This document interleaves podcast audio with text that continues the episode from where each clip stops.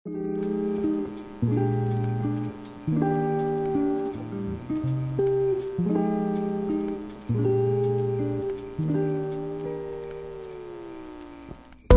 warahmatullahi wabarakatuh. Kembali lagi di podcast Aceh Documentary. Oke, di season kali ini uh, kita harap kepada pemirsa yang ada di rumah, saudara-saudara Lumban Bandung di tengah kondisi wabah COVID-19 ini atau uh, corona, kita tetap jaga diri, uh, jaga jarak, ikuti instruksi pemerintah, baik batat, baik kerhulai, uh, baik embung, uh, akan kena rit bat sabah masa tapi fikir kira bet habago handa dengar habaro tanpa pakai. Okey, semoga kita sehat semua dan dilindungi oleh Allah Subhanahu Wa Taala. Okey, di sini sudah hadir narasumber kita Bang Kausar. Assalamualaikum Bang Kausar. Waalaikumsalam warahmatullahi wabarakatuh. Apa kabar nih Bang Kausar? Belakangan ini ngapain aja nih Bang? Alhamdulillah kita selama jadi pengangguran ya. Oke, ini saya saya dengar-dengar Bang ini kemarin uh, Abang juga terpilih salah satu uh, pengurus partai politik tingkat nasional ya, pengurus pusat nih. Ya. Kalau nggak salah ini Bang uh, ke- sekretaris bidang politik dan pemerintahan ya. Ya, Bisa dicerita Bang, tiba-tiba dari partai Aceh uh, terus lari ke Partai Demokrat dan dapat posisi strategis juga tuh. nggak tahu tapi kan mungkin sudah apa, sudah suratannya seperti itu.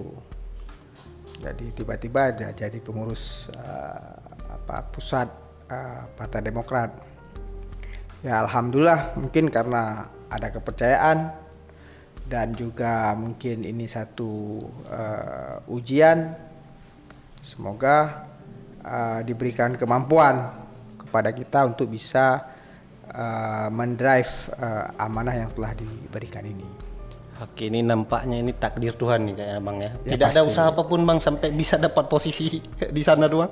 Ya pasti ada usaha lah kan nggak mungkin sesuatu tanpa usaha. Artinya saya di Demokrat eh, bisa mungkin dua tahun ya dua tahun.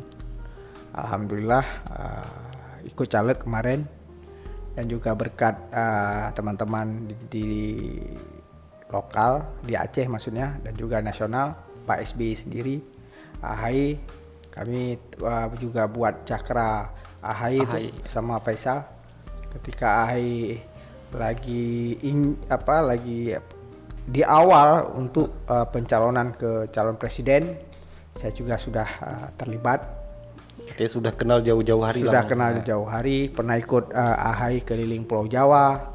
Ah, kemudian juga pernah ah, ya diskusi dengan yang mendalam dengan Pak SBY Ibu Ani Yudhoyono almarhumah gitu Sepertinya ada pikiran yang mempertemukan sampai ada di tingkat uh, DPP lah Bang ya. pastinya begitu karena teman-teman di Demokrat itu memang tanpa saya menjadi bagian daripada Demokrat mereka sudah jadi teman-teman kita Oh. Nah, gitu kan. ada Bang Andi Malarangeng misalnya nah beliau memang dari dari dulu sebelum beliau jadi menteri beliau kan juga bagian daripada perjuangan reformasi 98 dulu Oke, ini jaringan angkatan jaringan 98 lama lah, jaringan, lama, lah. ada Andi Arief juga ada Bang Rahlan kan ada Bang Rifki kalau kita yang sekarang Yang jadi dari sekjen kan Dapil Aceh lagi ya.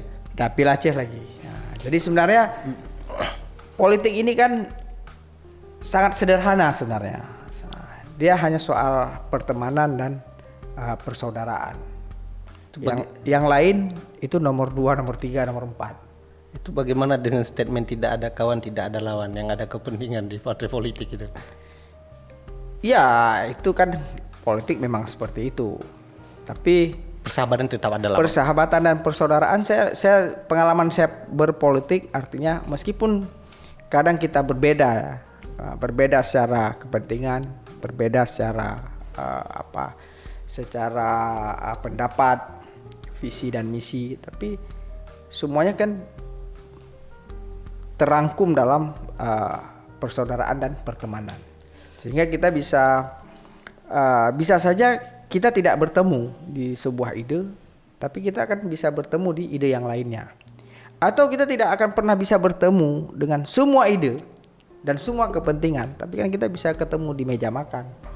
Oh. kita bisa bisa ketemu di di warung kopi minum kopi. Ya, artinya ya manusia ini tentu diciptakan Tuhan untuk selalu bisa uh, berkomunikasi sesama. Habluminanas lah hubungan manusia dengan manusia. Manusia dengan manusia. Dan tentu Tuhan juga menciptakan banyak uh, wasilah banyak ya. uh, momentum banyak uh, ruang di mana kita bisa uh, mengaktualisasikan uh, kemanusiaan kita Oke, terlepas dari itu semua juga kita selaku masyarakat Aceh juga harus berbangga diri lah ya, karena uh, selain dari katanya partai Nasdem juga partai uh, orang Aceh lah, orang Aceh secara keturunan dan di Demokrat juga ini di periode ini juga banyak lah orang Aceh termasuk Bang Kosa lah salah satunya yeah. yang jadi pengurus pusat lah. Yeah. Artinya ini tidak lepas juga demi Aceh itu sendiri di yeah. masa depan lah Bang ya. Yeah. Oke, okay, uh, Nah ini kita akan bincang-bincang nih bang uh, wakil rakyat ngapain aja ini dalam konteks Aceh nih. Ini bang Kosar ini kan yang selalu uh, mungkin di media masa orang yang selalu sangat kontroversial nih, di di kalangan uh, publik lah di masyarakat. Terutama yang saya ingat tuh bang saat momentum uh, selesai pilkada nih uh, Bang Irwandi uh, dan Mualim saat itu dan ada juga beberapa calon lain tapi saya fokus di dua itu. Nah uh, sebelum KIP mengumumkan Mualim sudah duluan bertemu dengan uh, Bang Irwandi ini. Nah dengar-dengar sosok di balik pertemuan itu adalah Bang Kosar. Nih. Uh-huh. Uh, dan juga dengar-dengar kabar lagi uh, sampai media juga hadir di situ dan Bang Kosar uh, sengaja meminta kepada media untuk tidak mempubliskan berita ini setelah tiga hari uh, kemudian. Mm-hmm. Artinya ini di stop dulu beritanya tiga hari kemudian baru bisa dipublis. Ini bisa diceritakan nggak uh, kejadian-kejadian saat itu? Ya sebenarnya kan ya ini kan soal pertemanan saja juga. Misalnya saya dengan Bang Irwandi sudah temanan dari dulu dari zaman konflik. Ya. ya kemudian uh, sudah sangat dekat ketika Bang Wandi uh, juga bagian daripada GAM, kita juga bagian daripada GAM uh, terlibat. Kemudian dan kita di, uh, dipertemukan oleh uh, banyak apa banyak banyak kegiatan sebelumnya ketika masih konflik. Termasuk ketika Bang Wandi uh, setelah tsunami hmm.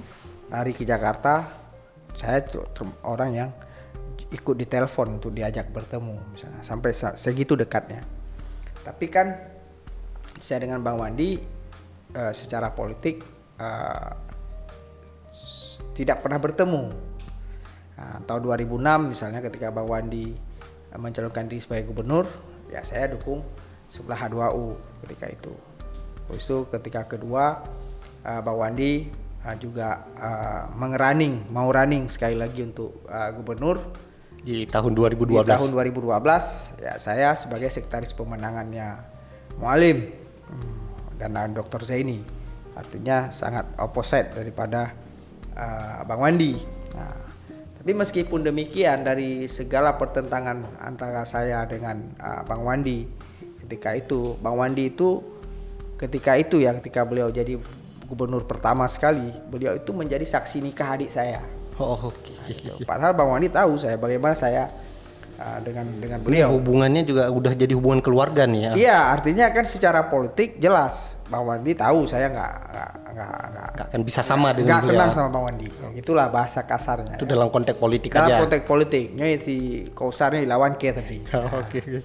Nah, tapi dalam konteks uh, keluarga ke apa kemanusiaan kan, ya Bang Wandi juga ya pernah jadi si uh, nik, uh, saksi nikah daripada adik adik perempuan saya gitu. Artinya Begitulah Bang Wandi. Nah, ketika uh, pilkada kemarin kan seperti itu. Artinya Bang Wandi menang dan saya juga sudah cek semuanya situasi bahwa ya memang ini kenyataannya seperti itu. Bahwa Bang Wandi sudah menang gitu kan. Saya data di internal Abang ini udah meyakinkan bahwa Saya Bang yakin cek kiri kanan dan semuanya bahwa Bang Wandi sudah menang. Mau nggak mau ya ini inilah gubernur kita. Nah, tinggal bagaimana membangun komunikasi. Nah, tentu kan Aceh kan perlu satu uh, kolektivitas ya, di samping perbedaan yang kita miliki, kepentingan yang kita miliki. Tapi kan ujung-ujungnya setiap kepentingan itu harus bertemu. Nah, setiap kepentingan itu harus dipersatukan. Nah, nggak mungkin kepentingan itu jalan masing-masing. Karena ketika semua kepentingan jalan masing-masing, yang kita khawatirkan tidak ada satu kepentingan pun akan terakselerasi dengan baik. Nah, kenapa tidak setiap kepentingan kita negosiasikan, kita kompromikan? Nah, persis seperti Aceh GAM berkompromi dengan, Dengan RI. Republik. Nah, kan kita pertemukan Nah, apa yang awal ke- awal ide itu bang kok bisa misalnya ini ini ini apakah ini inisiatif langsung dari abang sehingga abang mengambil sikap ini harus bertemu nih bang Wandi ini saat itu. Iya, sebenarnya kan Bang Wandi memberi sinyal sebenarnya. Oke ini sinyal seperti Bang apa? Wandi ini? memberikan sinyal di Facebook ya, Hmm. Bang Wandi. Bang Wandi tag saya bahwa ini sudah selesai katanya. Oke ini ada kode-kodenya yang bisa abang Iya, pahami lah. saya, Ya. saya lihat ini kode. Oke. Ah, kan sebagai sebagai apa namanya? Sebagai politisi mungkin ketika Bang Wandi eh, mentek dan dia hanya mentek saya lewat eh, status Facebook Bang Wandi, terus Bang Wandi bilang bahwa pilkada sudah selesai. Ah, bagaimana kita membangun Aceh? Gitu kan. Nah, di satu sisi Bang Wandi memberikan sinyal bahwa eh, ia ingin bicara, Nah, kan? Nah, dia ingin berbicara dengan mualim tentunya, Nah, dan dan sinyal ini yang saya tangkap. Dan bagaimana uh, Mualim saat itu merespon? uh, Iya, artinya kan begini.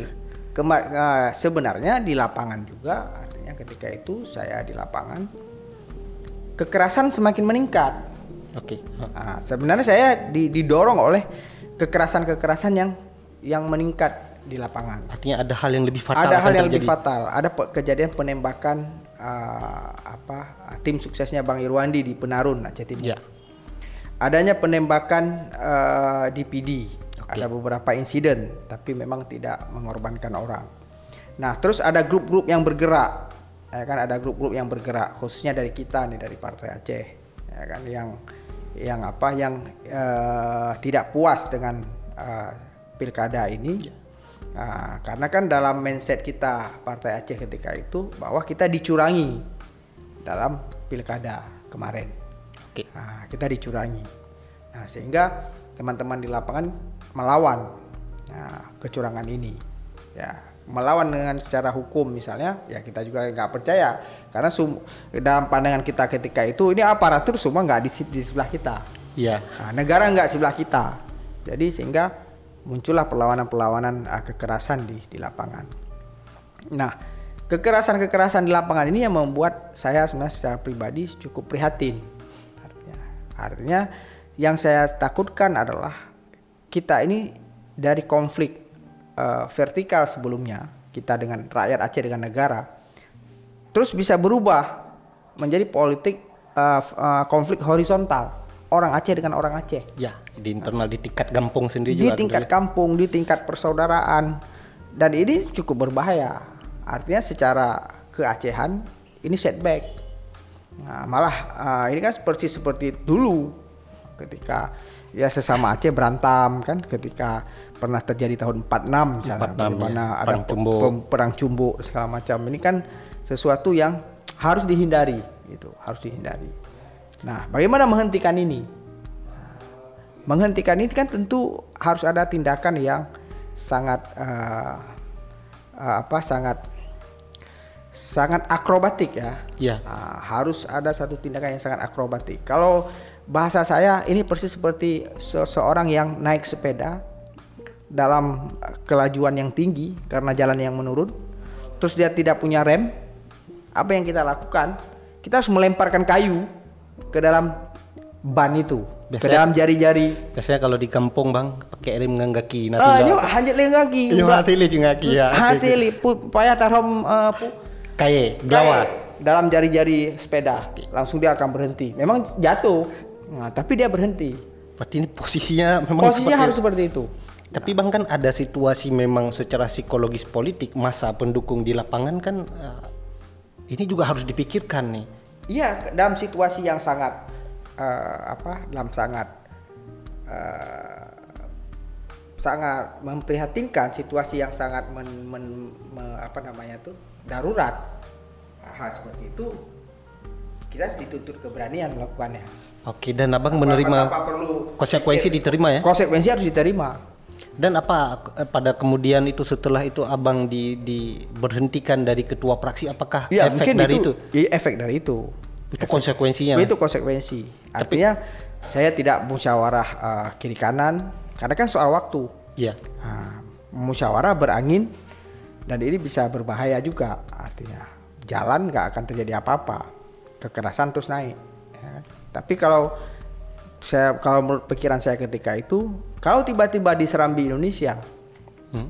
dan media-media yang lain kemudian muncul foto uh, Mualim dengan Pak Irwandi saya pikir ini pasti stop Nah, kekerasan pasti stop setidaknya di bawah akan terjadi kegamangan Ya. selama dua atau tiga hari Nah, muncul kemudian informasi terputus nah, selesailah kan Ya, Bang. setelah tiga hari kita bisa rasionalitas akan datang nah, biasanya seperti It- itu, itu memang di set bang, memang harus tiga hari dulu ini baru dipublikasi apa? Enggak, saya enggak set seperti itu sebenarnya. Yang saya set enggak tiga hari. Saya dat saya telepon teman wartawan segala macam. Saya bilang ini ada uh, berita menarik, tapi anda harus eh, rem, jangan ada uh, ya apa, jangan muncul dulu di media.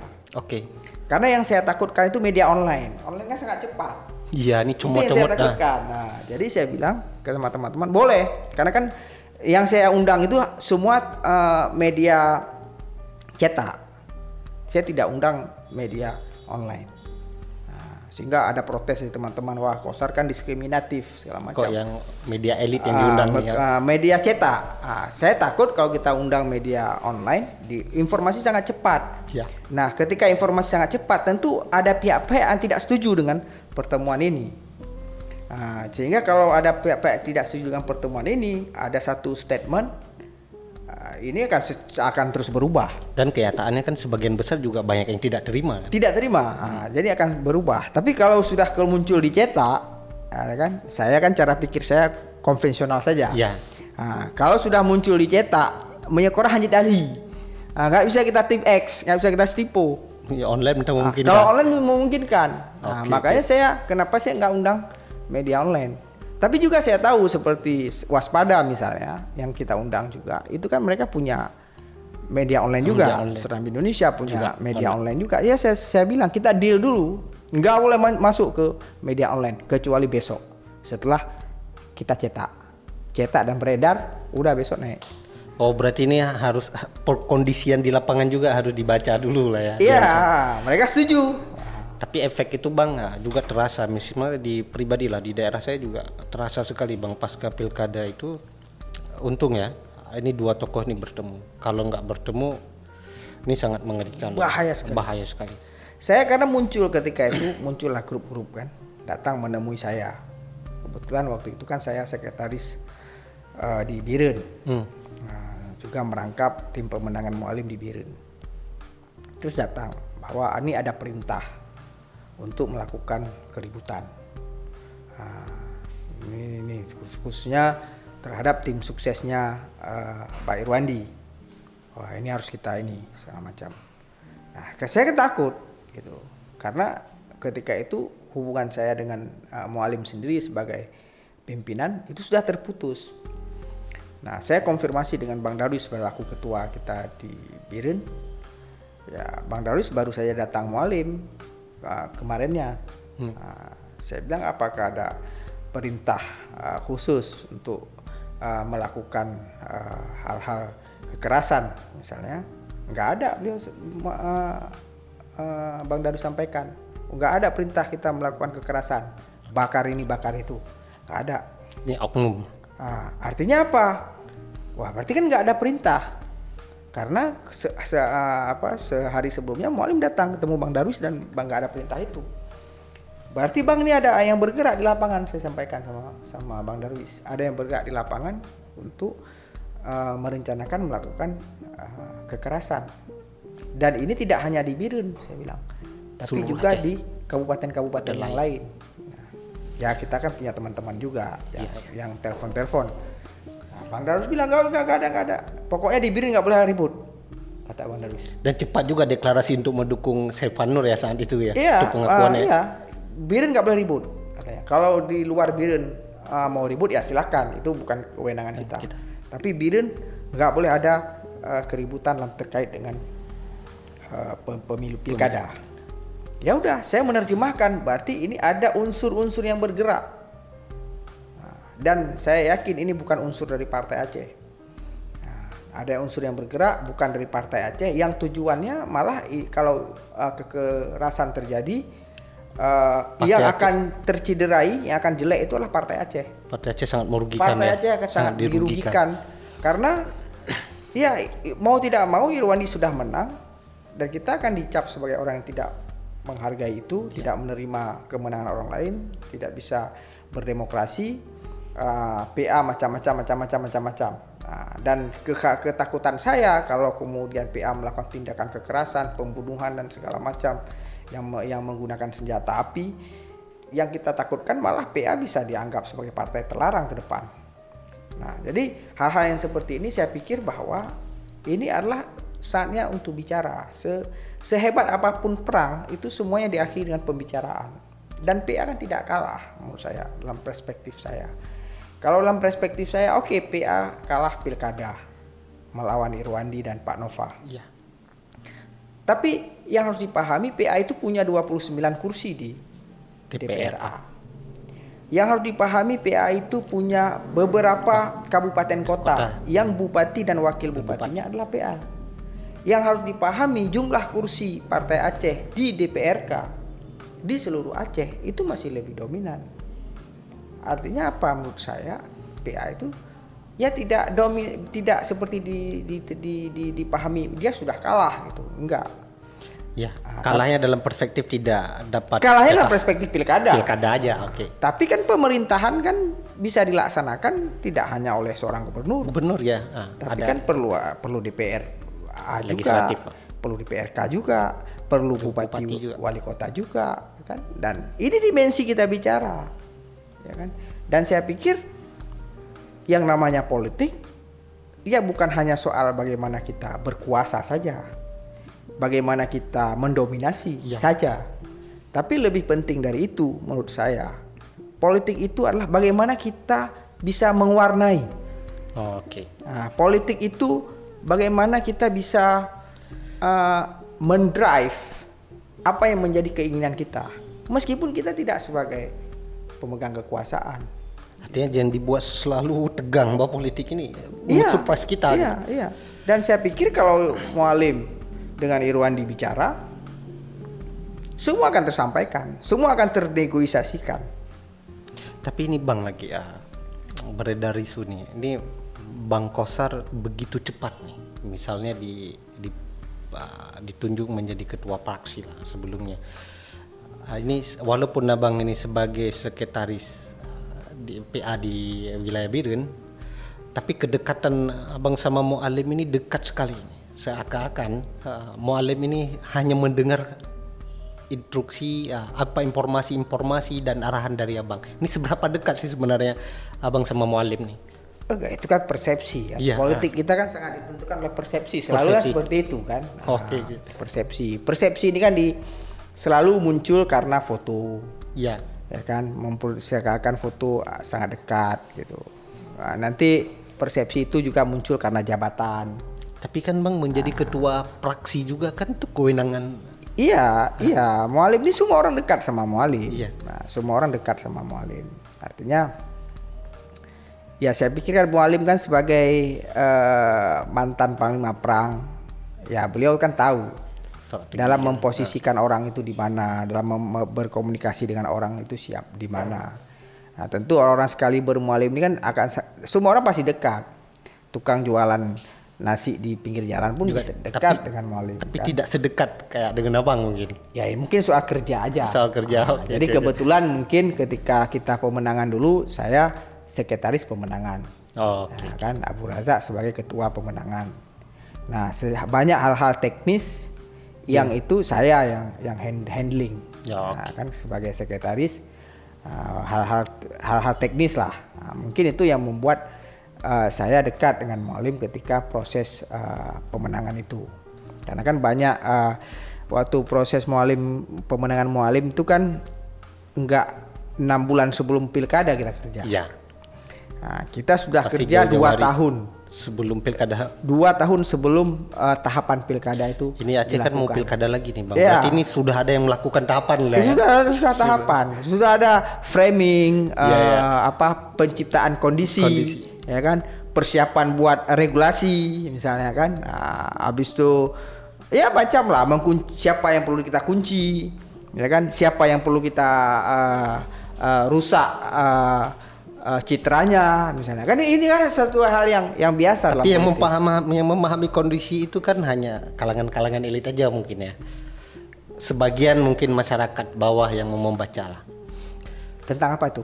Ya tentang memahami pengkondisian pengkondisian artinya nih pilkada mau jalan dua tahun lagi ini sudah Ya. jalan. Oke bang, nah terlepas dari itu lagi nih. Nah saya ingin eh, masuk ke dalam ranah wakil rakyat nih.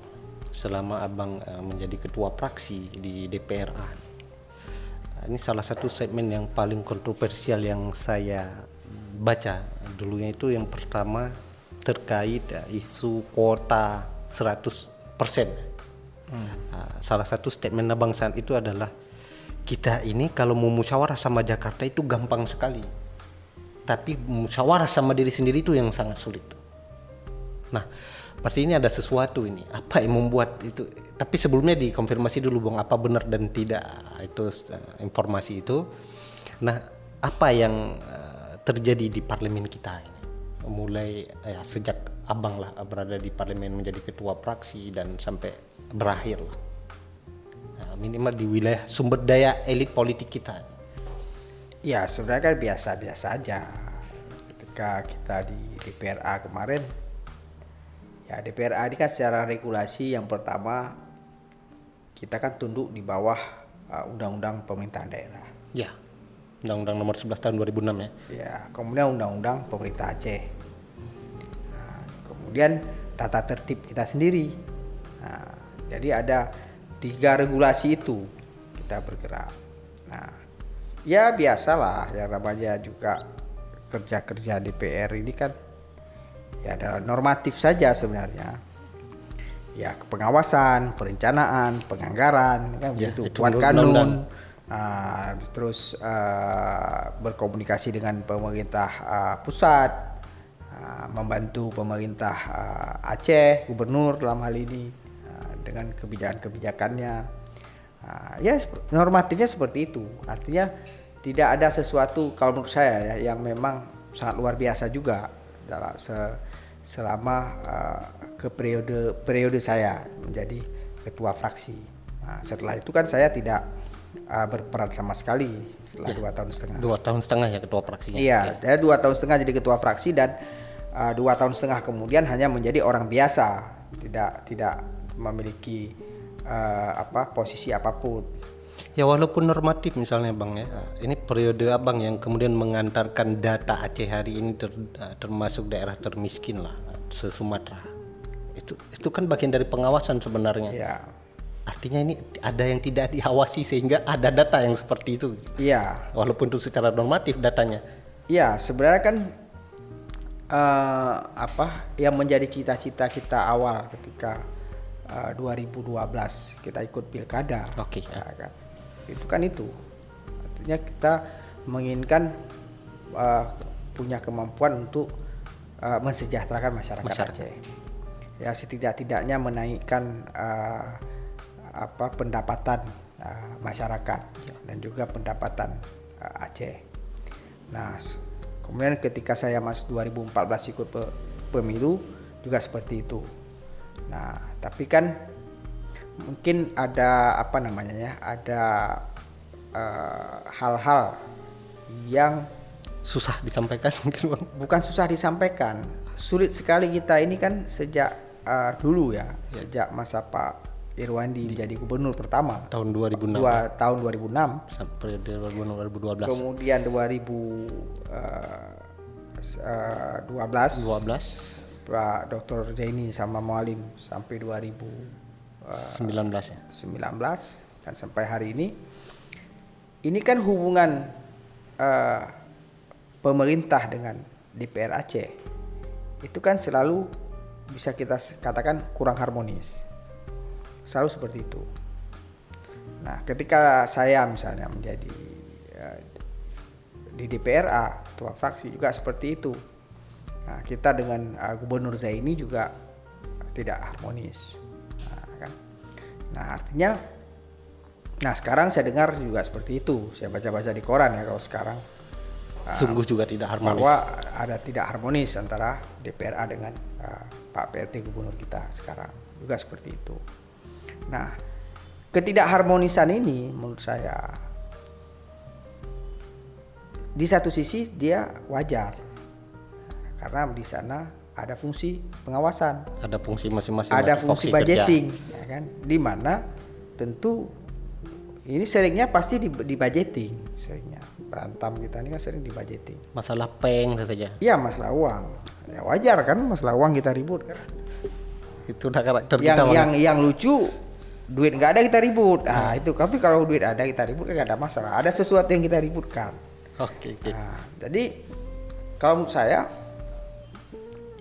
Kenapa di fungsi budgeting ini kita selalu sulit untuk ketemu? Nah, kan? Pengalaman saya artinya kita ini sebenarnya masalah utamanya kita ini sulit sekali bertemu secara ide. Kita mau buat apa aja ini? Oke, tapi kan sebelumnya sudah ada visi misi, Pak. Iya, sebelumnya ya. ada visi misi, tapi kan visi misi ini kan sangat umum dia kan. Dengan terpilih jalan pari juga visi misi. Enggak, artinya ketika kita terjemahkan uh, setiap penganggaran ini kan Bapeda pasti menerjemahkan visi misi gubernur. Iya. Nah, tapi kan visi yang namanya visi misi ini kan dia tidak detail. Pasti ya. Nah, dia kan sangat uh, umum. Tapi kan Bang sudah ada misalnya ini mulai era Pak Wan Bang Wandi uh, era 2006 lah mereka sudah menyusun rancangan jangka panjang lah. sampai 25 tahun lah. Kan ada rancangan program-program itu yang seharusnya bisa dilanjutkan gitu. Iya sebenarnya itu ada, tapi kan terjadi tarik menarik kemudian. Hmm. Nah, misalnya tarik menarik, misalnya uh, plotting anggaran ke mana yang kita harus lebih besar.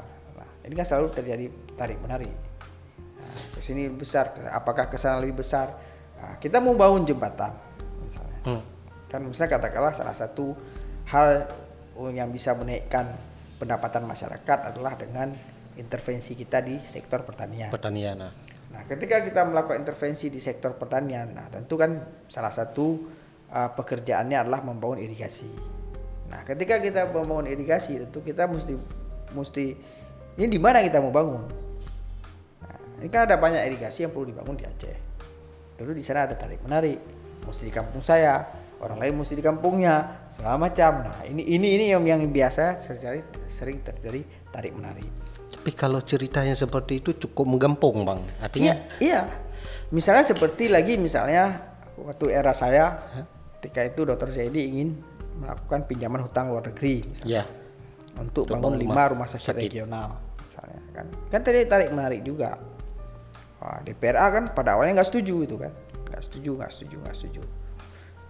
Nah, sementara pemerintah ini harus, ini harus supaya rumah sakit kita tu, mulia tujuannya mulia. Nah memakai perspektif bahwa kita mesti punya rumah sakit rumah regional. sakit, iya. nah, sebab sayang rumah sakit Jenderal Abidin yang sudah overload. Ya. nah uangnya dari mana? Utang dengan Jerman. DPRA setuju dengan pembangunan rumah sakit tapi tidak setuju, setuju dengan, utang, Nah, ketika kita tidak setuju dengan rencana pemerintah nah tentu kan pemerintah me, bisa berpikir uh, lain juga dia. Ini apa? Kenapa dia nggak setuju? Nah, di situ masuk dimensi politis. Oke, ini udah uh, main. Anginnya di situ. Apa karena uh, kalau PA misalnya nggak setuju, ini apa karena Mualim nggak setuju sebagai ketua partai atau karena Mualim tidak dilibatkan dalam pengambilan kebijakan pembangunan uh, lima rumah sakit ini? Nah, bisa kayak kan menjadi ruang ya, ya. tafsir. Nah, atau uh, bagi pemimpin-pemimpin kita yang cepat sensitif misalnya akan akan marah. Nah, apalagi saat itu misalnya dok, uh, dokter Jenny secara usia, usia sangat senior, butuh dihargai lah segala macam. Dalam eh, perjuangan juga dibandingkan kita kita beliau founding father, ya. kan begitu. Kita ini kan anu maya cirit misalnya. Nyokok kahana adab li. Uh, kok tiba-tiba anu maya cirit udah nggak nggak setuju ini apa ini puka yang kan ketika hal-hal seperti itu kan pasti masuk. Apalagi beliau usianya orang tua seperti itu pasti hana ibu yumleke nah itu kan pasti muncul. Nah nah ketika hal-hal yang seperti ini ini inilah kemudian menjadi menjadi sesuatu yang sangat politis kemudian. Nah, wate hateo nggak setuju pada satu titik ketika titik yang lain oh ini pasti nggak setuju juga. Oh ini pasti ya jadi runyam lah semuanya jadi tidak ada ruang ketemu, artinya kita butuh rumah sakit, hanya problemnya di persoalan hutang umpamanya. Iya persoalan hutang kan nggak ada lagi, misalnya di PRA oke okay, kita jangan ambil hutang misalnya, ketika itu ya, hmm? nah, kita udah kita ambil aja uang APBA, atau kita kita bicara dengan pemerintah pusat kita tanggung setengah, pemerintah pusat tanggung setengah misalnya. Uh. Nah kita berargumen bahwa ada APBA-nya ada dan segala macam. Dan eksekutif tidak mau hal-hal nah, seperti itu lah. Eksekutif kan nggak mau, nggak mau, nggak mau, nggak mau, nggak mau, nggak mau, akhirnya deal deal akhirnya terakhir DPRA setuju dengan hutang. Ya, pada akhirnya. Pada akhirnya DPRA setuju dengan hutang. Nah, tapi kan nggak jadi juga hutang karena pemerintah pusat tidak setuju. Nah, kenapa pemerintah tidak setuju? Pemerintah pusat tidak setuju karena DPRA sudah yakin pemerintah pusat juga pasti nggak setuju. Karena kan kita juga sudah komunikasi dengan pemerintah pusat. Karena yang dihitung ini bukan hutang pemerintah Aceh, pemerintah Aceh tidak punya kewenangan untuk berhutang dengan luar negeri. Ini hutang pemerintah pusat kepada Jerman. Nanti kita yang bayar ke pemerintah pusat. Dan pusat? Dan pusat nggak mau. Nah, oh. dari awal kita sudah komunikasi. Tapi di wilayah kewenangan pemerintah Aceh dibolehkan, bang, hal-hal seperti itu. Iya, pemerintah Aceh boleh, tapi kan harus seizin pemerintah, pemerintah pusat. pusat ya. Iya, karena yang berhutang bukan pemerintah Aceh. Pemerintah pusat. Pemerintah ya? pusat yang berhutang dengan pihak Jerman peruntukannya yeah. untuk Aceh nanti Aceh akan membayar itu bayarnya pasti ke pemerintah pusat. Pemerintah pusat bayar lagi ke ke pihak Jerman. Artinya saya suruh ngutang sama orang lain untuk saya. Ya jadi hal-hal yang seperti itu itu bisa di di situ. Nah kemudian di, di di pemilu pilkada kan kayak gitu juga. Oke soal persentase KTP soal hmm. uh, apa eh, nggak uh, boleh independen soal macam-macam lah. Nah, kan itu nah ini ini ini pun biasa. Memang memang lembaga politik seperti itu memang begitulah tabiatnya bang. Memang harus seperti itu. Memang apa memang politik itu memang seperti itu. Oke bang uh, kita lanjut lagi. Ini, ini sudah selesai di wilayah praksi lah. Uh, teman-teman di DPRA tiap tahun ternyata juga punya problem dengan eksekutif lah. Problemnya adalah persoalan anggaran. Nah ini uh, kami uh, selalu menggali informasi hal yang kontroversial di lapangan. Ini Bang Kosar kemarin terakhir uh, caleg waktu pemilihan uh, pileg ya, pileg 2019 ya, naik lewat Demokrat nih. Nah, artinya uh, mungkin karena secara partai lokal, partai lokal tidak bisa mengirimkan wakilnya ke uh, nasional lah.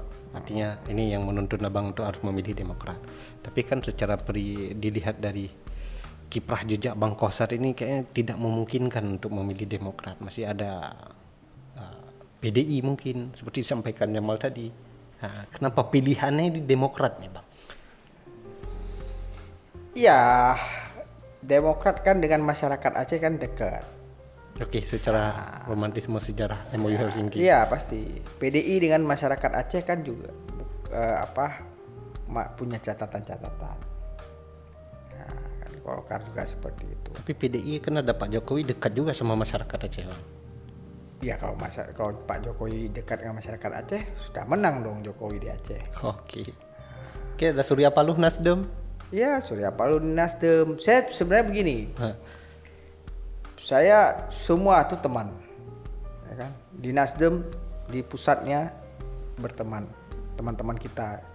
Ini kan kebetulan kan teman-teman di Eksponen 98 ini kan pada jadi petinggi-petinggi partai semua sekarang. Jadi seluruh partai Jadi ada. seluruh partai. X98 ya. X98 secara nasional. Yang sebelumnya kita sama-sama lempar uh, batu ke tentara polisi ya. di Jakarta segala macam dulu lah kan. Ya. Sekarang gabung sama tentara uh, ngopi. Makan makan uh, Indomie bareng-bareng satu bungkus, makan rame-rame. Ya. Ya zaman-zaman susah dulu lah, zaman-zaman berjuang dulu. Nah, nah sekarang hari ini hampir rata-rata mereka ada di partai. Partai partai nasional. Jadi sebenarnya ya apa namanya ya soal pilihan aja. Nah, ini kita pilih Nasdem teman kita, Demokrat teman kita, PDI teman kita. Nah, kan? Golkar juga teman kita cuman kan di Golkar kalau di secara nasional ya kita nggak rame teman itu aja Nah, ya kenapa kemudian dengan dengan apa dengan Demokrat ya secara personal saya tertarik dengan SBY Oke, hanya sosok Pak SBY. hanya sosok Pak SBY artinya jika dibandingkan dengan tokoh-tokoh nasional yang lainnya ketika itu Tapi berpartai itu kan bukan pada sosok juga Bang pada akhirnya. Iya, secara eh, organisasi kepartaian, saya pikir Demokrat lebih stabil partainya jika dibandingkan dengan partai-partai yang lain. Mungkin Setiap sungguh- partai kan pa- pasti ada dinamika internal. Tapi kalau dilihat dari proses uh, maksudnya substansinya demokrat demokrasi itu sendiri mungkin demokrat tidak demokratis lah artinya ya keluarganya yang ujung-ujungnya yang jadi uh, the next generation lah yang akan menjadi ketua partai dan selanjutnya. Iya, hampir semua partai kan su- pasti su- seperti itu. Artinya, misalnya kalau kita mau lihat PDI misalnya, tentu Ibu Mega sangat menginginkan putrinya bisa menjadi Puan Maharani. penerus kan kemudian uh, Pak Surya Paloh pun juga Nasdem ya saya lihat bahwa ya pasti tentu beliau menginginkan putranya bisa menjadi penerus yang sekarang anggota DPR RI Nah artinya kan semua partai Hampir ini semua sama. partai seperti itu Dan kenapa tetap abang juga milihnya nih demokrat nih Ya, walaupun hanya soal artinya pilihan kalau nih. soal kalau soal apa uh, kelu- ke kelu- keluarga dan segala macam hampir rata di, di Indonesia uh, apa tren politiknya seperti itu. Cuma sekarang tinggal apakah uh, putra putrinya lah katakanlah seperti itu karena kita ngomong soal keluarga ya Iya. uh, uh, mumpuni enggak artinya siap enggak artinya Punya didukung tidak Punya kapasitas apa enggak ya? punya kapasitas atau tidak. Nah kalau sama sama Kalau Demokrat, AHY punya kapasitas. Ya walau misalnya walau semua partai itu sekarang udah sama ini lebih ke Iya. abang nih. Kenapa tetap abang memilih ini Demokrat? Ya, apa abang ini sudah ada pendekatan sebelumnya. Misalnya nih sudah kenal saat ah, pileg atau pilkada. Artinya ada Pak Nopa di situ yang sekarang jadi PLT di situ mulai terjadi koneksi dan abang tertarik dengan itu?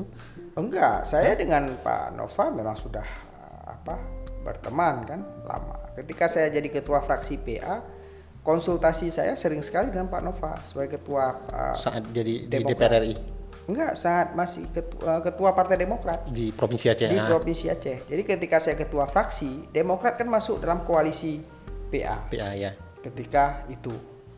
Nah, setiap kebijakan-kebijakan yang kita ingin ambil di DPRA saat itu, saya selalu komunikasi dengan pimpinan-pimpinan partai. Tidak hanya dengan pimpinan fraksi. Nah, jadi selalu saya saat itu komunikasi awal itu justru saya langsung lakukan dengan pimpinan partai. Setelah ko- ko- konsultasi dengan pimpinan partai koalisi kita lakukan, baru saya bicara dengan ketua-ketua fraksi partai-partai bersangkutan di DPRA tanpa memberitahukan saya sudah koordinasi dengan ketua partai mereka.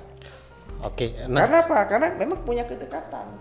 Dengan Demokrat, kedekatan saya secara pribadi itu sudah sejak zaman Pak Mawardi Nurdin hmm, almarhum almarhum dan wali kota Banda Aceh. ya. Demokrat ketika kita menggalang penundaan pemilu pilkada tahun 2012.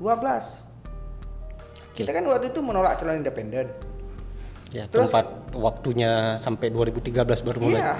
Dan kemudian kan ditutup masuk, tutup masuk tuh, tuh Dokter Jenny sama Mualim itu, tutup masuk, tutup masuk. Nah, ketika itu kan yang berkuasa Pak SBY presiden.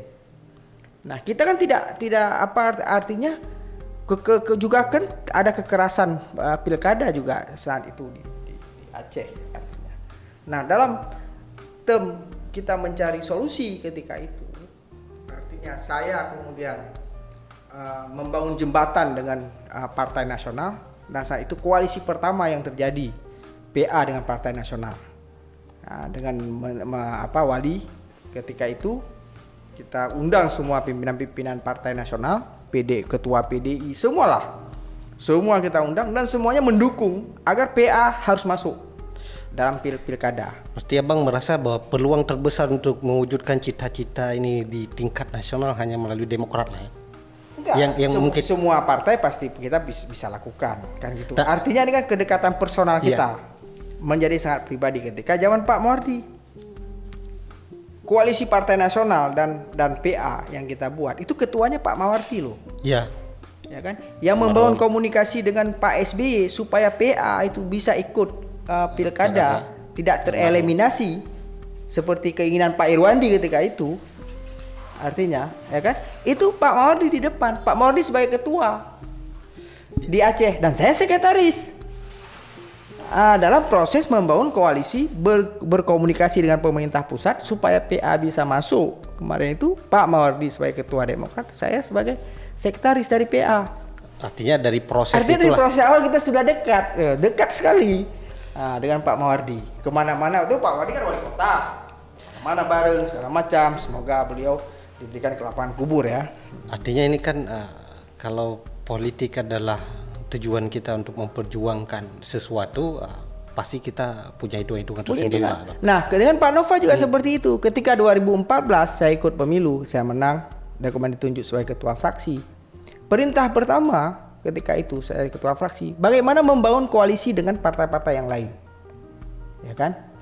Nah, dalam upaya alat kelengkapan dewan dan kepentingan-kepentingan lainnya di DPRA. Ya. Nah, ketika itu ketua Demokrat itu Pak Nova. Nah, saat itu ada operasi senyap yang sedang dilakukan. Di Yang ingin mengelimina- mengeliminir PA dalam DPRA. Artinya kalau bisa PA tinggalin sendiri, ambil semua uh, untuk Perangkatnya. yang lain. Parnas lah. Kalau PNA kan baru cuman Dan tiga hanya Demokrat yang cuma tiga kursi kan. Nah, jadi ketika pertemuan di Medan, ya kan, hal yang sangat saya respect dengan Pak Nova ketika itu. Pak Nova karena dia anak tentara mungkin punya keberanian yang lebih mungkin ya. Dia bilang, "Ya, kita nggak mau buat friksi-friksi seperti ini. Padahal semua pimpinan partai-partai diundang ketika itu di Medan. Semua partai diundang, termasuk, partai lokal partai diundang dalam lokal. pertemuan Partai- di Medan. Dan Pak Nova bilang nggak mau. Kalau hanya untuk memecah belah di Aceh, artinya kita harus mengeliminir PA. Ini ini nggak bagus. Ini bisa rusak perdamaian. Mungkin Pak Nova bisa ngomong itu karena presidennya juga masih SBY kan ketika itu. Tapi kan pada akhirnya juga uh, walaupun sosok Pak PLT misalnya yang digambarkan seperti itu, uh, kondisi sekarang juga terjadi perpecahan misalnya antara parlemen dan eksekutif. Iya, itu kan terlepas. Artinya kan sejak itu saya sudah komunikasi Bang Nova. Bang Oke, Nova ya. telepon saya, "Kosar, ini kita di di pertemuan begini begini begini begini begini misalnya." Ah, kita mau dieliminir. Ya, kita gimana, Bang? Ya, kita tetap tetap nggak mau. Kita mau mau sama-sama lah. Artinya ini punya ide yang bisa disatuin lah dengan Bisa beliau lah. punya ide yang sama. Ini kita ngerti kan artinya apa yang dilakukan oleh Pak Mawardi ketika itu, apa yang dilakukan oleh Pak Nova ah, ketika itu, Ah, kan? Ini kan menjadi menjadi apa namanya? Menjadi sesuatu yang sebenarnya kita bi- bi- Ya, terhubung gitu. Ah, walaupun ketika 2012 pilkada Demokrat dia punya calon sendiri, Pak Nova sama Muhammad Nazar.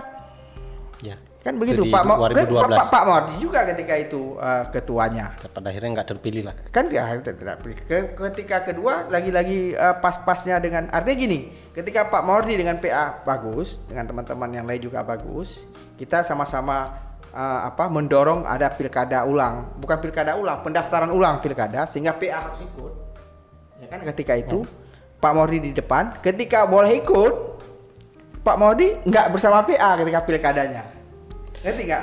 Oke, paham, paham, paham. Beliau pu- seba- Partai Demokrat punya calon lain, Muhammad Nazar dengan Nova Nova. Iriansyah.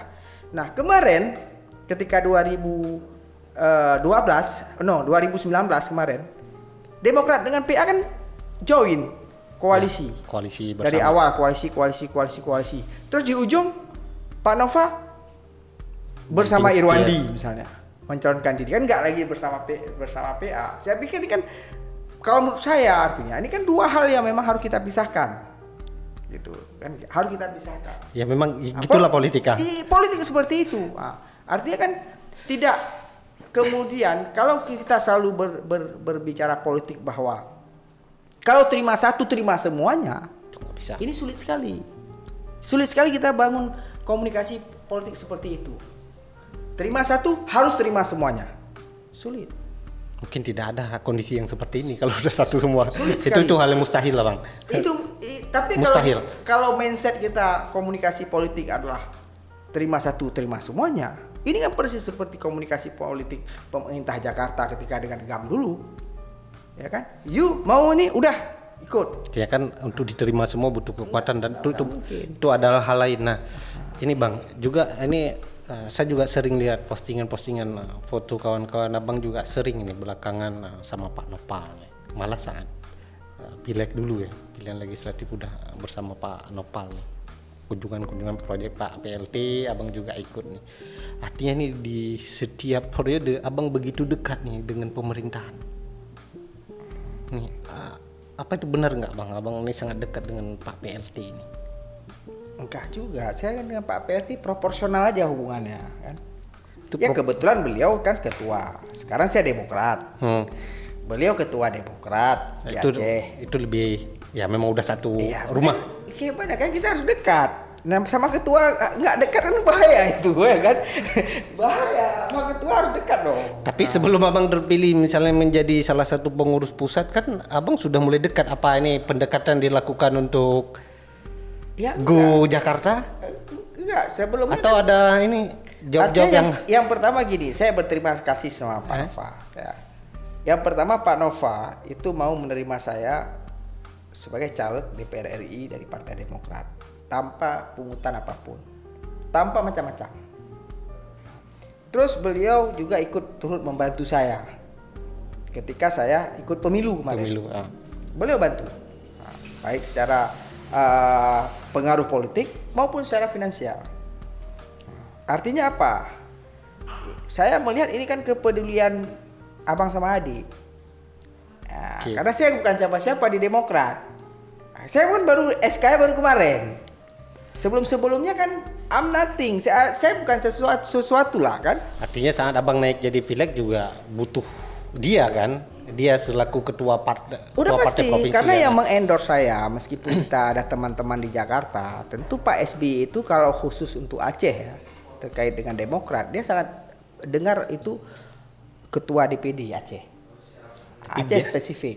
Biasanya bang kalau kita ini dekat, nah ini elit-elit ya. Artinya begitu dekat dengan kekuasaan kan pasti adalah hal lain lah. Nah, mungkin abang secara pribadi ada proyek-proyek mungkin di dinas-dinas nih. Oh itu nggak ada, nggak ada. Saya kalau nggak ada uang tinggal minta aja. Iya. Kalau beliau mau. Nah, kan biasa itu kita kan, kan biasa. Kita sesama ya. teman ya kan Adik abang kan biasa gitu. Bang ini, ini lagi kepepet kali ini ya. Apa kasih duit lu sekian. Biasanya kan di, biasa. Biasanya bang di kita itu kan kepala-kepala dinas itu kan sudah ada yang rekomendasi ini bang. Artinya ah. ini walaupun abang eh, sudah selesai di DPR, ah. aku rasa pengaruh-pengaruh abang juga masih ada. Misalnya ya, ada ada kepala dinas yang harus diperjuangkan nih. Oh ini biasa ya, di kita kan seperti itu bang. Itu kan yang duduk-duduk kepala dinas sekarang kan juga ada apa? Enggak semua pendatang baru. Iya ya kan? Ada yang pendatang lama. Iya, rame juga yang pendatang lama. Ada berapa orang nih rekomendasi abang nih? ada berapa orang nih bang?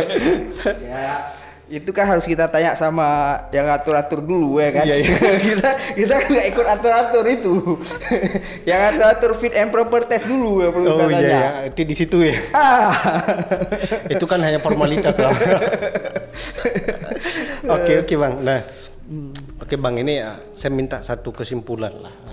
Walaupun uh, tidak seserius itulah politik, tapi kita harus serius ini. Ada manusia di juta di Aceh ini. Dan itu harus dipikirkan oleh segenap pikiran otak tubuh elit politik Aceh. Nah, apa ini yang harus dilakukan? Kalau terus-terusan begini, ini generasi tiap tahun datang, tiap generasi datang angkat senjata berontak dengan kapasitas tidak ada pengetahuan. Artinya ini menurut abang nih sudah melanglang buana lah di dunia uh, politik nih. Apa yang harus diperhatikan oleh elit itu sendiri? Artinya di sini ada eksekutif dan ada legislatif dan masyarakat sendiri ini. Ini berbicara Aceh. Ya, yang pertama sebenarnya kan sekarang uh, kita ini harus sering berbagi gagasan. Oke. Ini yang sekarang jarang itu agak susah mungkin bang. Ada yang lebih mudah lagi apa gitu selain gagasan mungkin? Iya karena kan semuanya harus dimulai dari gagasan. Tidak ada Misalnya lain PA harus gagasan. ya kan? PA mau apa di Aceh? Demokrat mau apa di Aceh? Harus jujur dulu nih berarti. Ya, dem, uh, Golkar mau apa? Karena kan secara secara otentik uh, kan ini yang megang yang megang-megang Aceh sekarang ini. Elit partai partai partai politik ini yang megang Aceh. Nah, artinya sekarang ya kita mau apa ini? Ya, mau, mau kita bawa ke mana Aceh ini misalnya? Oke. Okay. Nah, kan itu. Artinya bagaimana tentu untuk mengejar ketertinggalan. Ini kan butuh langkah-langkah berani butuh langkah-langkah yang tidak biasa. Ya. Nah, pertanyaannya kemudian apakah kita siap dengan langkah-langkah yang tidak biasa, dengan langkah-langkah yang lebih berani? Nah, tentu kan ada ada ada banyak hal yang akan terjadi tidak seperti biasa, unusual kan? Mm -hmm. Karena kita menuntut sesuatu yang luar biasa. Kita nggak punya kemampuan itu. Ah, apakah society kita punya kemampuan untuk itu? Apakah elit-elit kita punya kemampuan untuk itu? Apakah kampus kita punya kemampuan untuk itu? Apakah ulama kita punya kemampuan untuk itu? Nah, ini ini harus lihat. Ketika kita menuntut sesuatu yang luar biasa, ya kan? Tentu kita memerlukan cara yang juga tidak biasa. Nah, Pertanyaannya selanjutnya, apakah kita te akan terbiasa dengan cara yang, yang tidak, tidak biasa, biasa tersebut? Ah, kan lagi kan. Bentuk menonyo lagi contoh COVID-19 nih kan. Ah, oh nih kita harus lockdown. Oh ini untuk menghabis segala macam. Pas pemerintah buat jam malam, udah nggak sanggup. Yang diminta lockdown. lockdown jam malam kan lebih ngeri dari jam malam.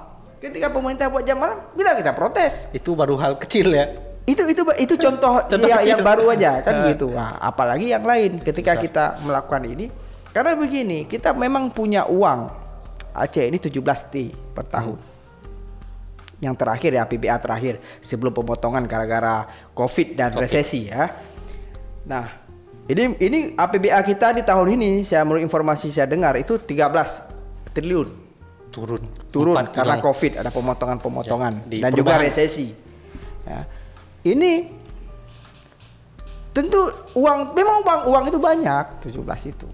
Kalau dipecah-pecah jadi nah, dikit. Kita mau buat apa misalnya? Ketika kita bilang bahwa prioritasnya ke A, B dan C, tentu kan ada yang hilang. Ada D, E dan F yang tidak terpedulikan misalnya. Oke. Okay. Nah, ini gimana? Ini gimana? Ini gimana?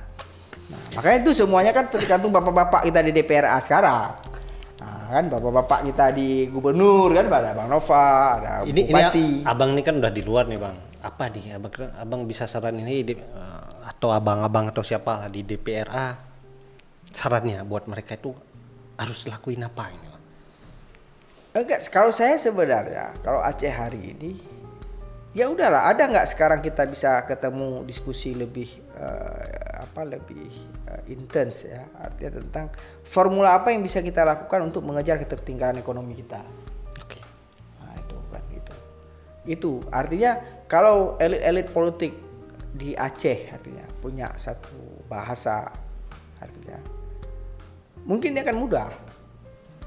Ya, kalau partai-partai politik ini bupati-bupati kita ya kan gubernur kita kemudian DPRA kita ulama kita. Tokoh-tokoh kita lah dan uh, inilah yang paling penting dulu kan tokoh kan absurd nantinya kan. Nah, ini kan yang yang buat kebijakan. Ini yang the real the real the real uh, apa uh, the real yang punya apa saham lah saham pengaruh hari ini. Nah, jadi kalau mereka oke okay, kita cara ketinggalannya ini ini, ini. kita ya dibicarakan. Dulu kita kok bisa berwacana soal referendum? Referendum kan soal wacana. Tapi bisa. Ya kan? Wacana sesuatu yang memang tidak di luar kotak itu malah tuh referendum. Tapi kita bisa bicara. Dulu ada inisiatif uh, elit-elit Aceh buat kongres rakyat Aceh misalnya kayak KRA ya kan? Dulu rakyat Aceh uh, elit-elitnya wah oh, ini harus tarik dom dulu misalnya. Macam lah Berarti oh, kita oh, butuh sesuatu yang seperti itu. Ada wacana-wacana politik yang sifatnya besar, hmm? yang sifatnya besar, tapi memiliki uh, pengaruh yang besar juga terhadap aktivitas politik kita. Nah ini yang nggak ada. Nah, makanya wacana itu menjadi penting. Nah hari ini di lapangan ya, ada uh, apa daily politik kita itu wacana nggak penting lagi. Yang daily politik kita hari ini yang penting uang You punya uang, you bisa jadi anggota DPRA. You punya uang, you bisa jadi anggota DPRK. You punya uang, you bisa jadi gubernur. Bisa jadi siapa saja kalau Ya punya bisa uang. jadi apa? Tapi kalau you tak punya uang, you nggak nggak akan bisa. bisa. jadi apa-apa. Wacana nomor dua, nomor tiga, nggak penting lagi. Makanya i- i- i- dimensi ini yang sekarang terjadi di, Hilang. di di di Aceh. Ya daripada uh, muncul lagi orang-orang beruang bilang, oh daripada kita kasih politisi duit, ya kan? Nanti uh, ujung-ujungnya kan nanti ketika dia duduk kita minta proyek. Nah, kan kita udah biayai politisi. Ya, artinya Lebih itu baik kita biayai diri sendiri aja, ngapain kita biayai lagi politisi? Nah, proyek aja gerondong urusan kan itu kan itu dimensi sekarang loh artinya. ya orang artinya butuh caleg, butuh elit untuk gak menggade kampung. Ah, Iya, tam- ya begitu. Oke bang, eh, sekian eh, terima kasih nih bang sudah mau berbagi dengan kita dan untuk pemirsa yang ada di rumah nanti di tengah covid ini bisa nonton inilah. Terima kasih banyak bang yang sudah mau hadir di sini. Artinya demokrasinya kan lagi bohong rom tak pek pek dah busaka dah pajuh mangajuhan menan. Artinya lagi hemu raceh na cak bohong rom heli tiba-tiba ada heli itu salah. Yang keputar salah pertanyaan. nah. Salah urungnya pertanyaan. Begitulah demokrasi dan politik yang terjadi di Aceh. Artinya kita harus kembali uh, ke diri kita siapa kita, mau ngapain kita, uh, baik dapat salah go tabe-tabe, baik pesimis ke drocit. Artinya tetap semangat. Wabillahi taufiq. Assalamualaikum warahmatullahi wabarakatuh. Waalaikumsalam.